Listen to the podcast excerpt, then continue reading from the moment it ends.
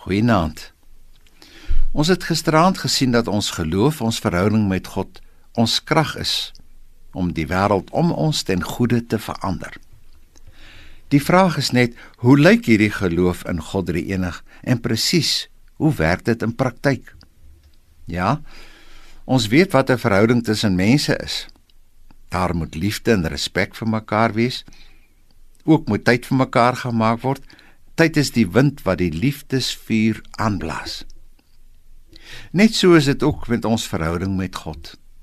Ons moet hom persoonlik ken en respekteer, tyd vir hom maak. Jy weet hy's altyd by jou. Hy red en hy help jou. Hy gee vir jou gawes, 'n beroep en werk. Soms laat hy jou selfs terugslaa beleef. Hoekom? Om jou vaster aan hom te bind.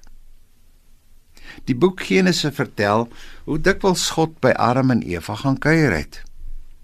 Met Henog en Noag gewandel het. Hoeveel te meer is hy nie vandag naby ons nie. Ons is sy vriende deur Christus, die kinders van die Vader. Ons moet net sensitief wees vir sy teenwoordigheid.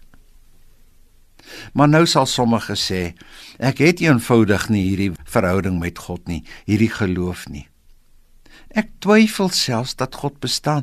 Eerlik gesê, my twyfel is dikwels sterker as my bietjie geloof wat ek besit. Jy moenie alleen voel nie.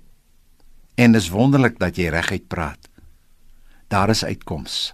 Laat ek verduidelik. Onthou jy daardie pa in Markus 9 vers 14 en verder wat vir Jesus gaan opsoek het om sy geestelik versteurde kind te genees. Jesus was sy laaste hoop.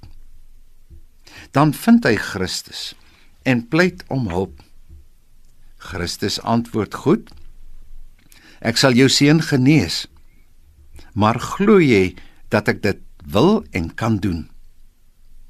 Die pa voel in 'n hoek gedruk. Hy antwoord: "Ja, Here, ek glo, maar twyfel oorweldig my." Letterlik staan daar: "Die pa glo en hy glo ook nie." Wat nou? Dan doen die pa die wonderlike ding.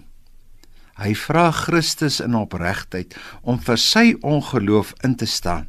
En toe die seun word genees. Hoekom? Omdat hierdie pa eerlik was.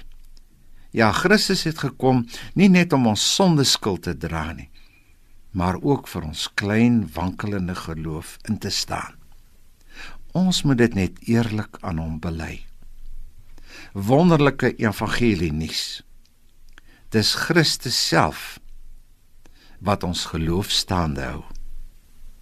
Vader, kom ons ongeloof in Christus deur u Gees te help. Amen.